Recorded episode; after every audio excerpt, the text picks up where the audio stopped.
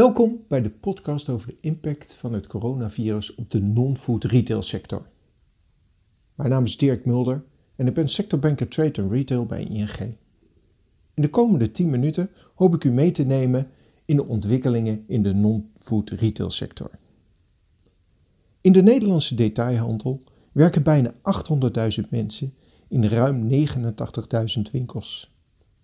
Hiervan zijn 83.300 van formules en 55.700 van zelfstandigen.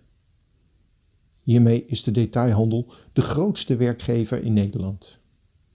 De omzet van de detailhandel bedroeg in 2019 ruim 108 miljard euro.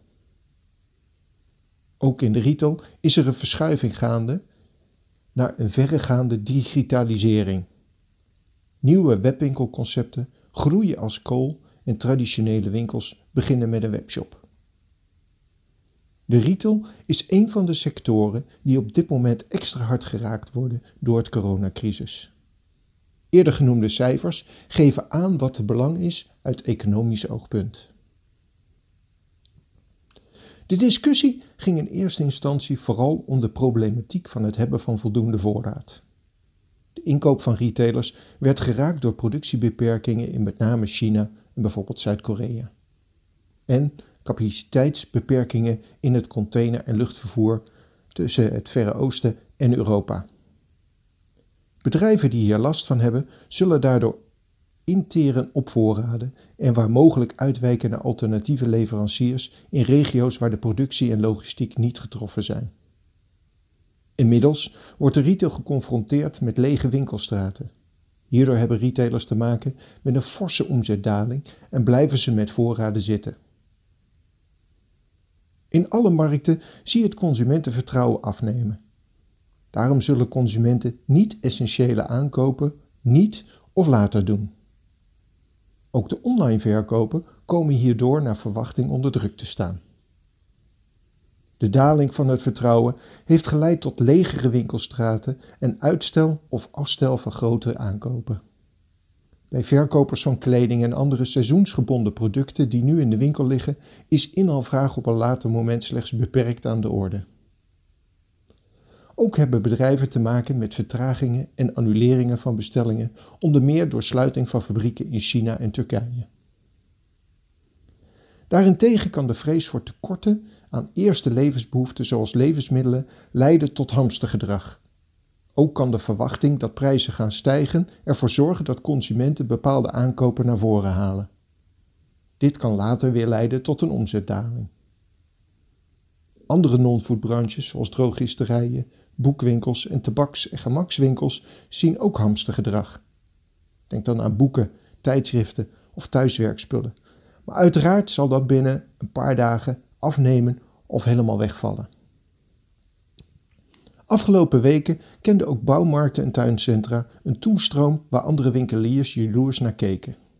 Bij doe-het-zelfzaken kwamen zoveel mensen dat er soms zelfs files stonden. Het tuincentrum of de bouwmarkt bleek voor veel Nederlanders een fijne afwisseling. Grote groepen mensen werken thuis, de horeca en sportclubs zijn dicht. Dus hoe kom je dan al die lege uurtjes door? Menigeen zag het als goede reden om eindelijk eens die zolder aan te pakken of de tuin zomaar klaar te maken. De detailhandel houdt nog zijn adem in. Er komt een donderwolk op hen af die lockdown heet. Een gedwongen sluiting van vrijwel alle winkels dreigt. Voor nu profiteren bouwmarkten, tuincentra en speelgoedwinkels van alle thuiswerkers die het land ineens stelt. Toch kan elke winkeldag voorlopig de laatste zijn. Regeringen in andere landen hebben in een poging de verspreiding van het coronavirus te vertragen besloten non-foodwinkels geheel of gedeeltelijk te sluiten. Dat gebeurde onder andere in Italië, Spanje, Frankrijk, Oostenrijk en België. Ook Duitsland is inmiddels overgegaan tot sluiting van deze categorie. De omzet van detailisten heeft ook zonder sluiting al zware klappen opgelopen. Er is nu een massale consumentenstop. Afgelopen dagen is de omzet in elkaar geklapt, waarbij het zou gaan om percentages van 50 tot 70 procent. Vooral modewinkels, schoenenzaken en sportwinkels zouden worden getroffen. De vaste lasten lopen door, terwijl de omzet wegvalt. Volgens inschattingen van InRetail kost de sluiting van de maand al snel 4 miljard aan omzet.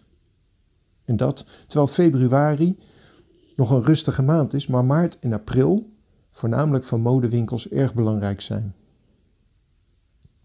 De sector doet een noodoproep richting overheid. Naast het opschalen van de bestaande werktijdverkortingsregeling biedt het kabinet uitstel van betaling van de, voor landelijke heffingen zoals inkomstenbelasting en btw. Ook in het zogeheten BMKB-borgstelling verruimd, waarmee ondernemers meer geld kunnen lenen bij banken. Zo stil als het is op de winkelstraat, zo druk is het op internet.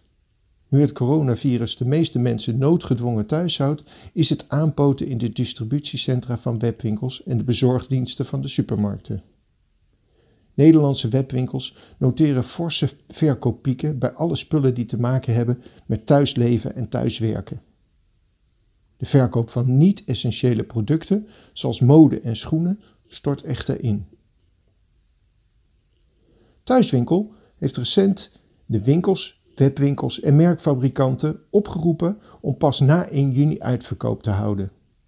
Gezien de drukte in de hele keten, bij webwinkels, distributiecentra en vervoerders, achten zij het onverstandig om nu producten in de uitverkoop te zetten. Daarmee wordt ook voorkomen dat veel producten straks tegen te lage marges uiteindelijk de webwinkel of de winkels uitgaan.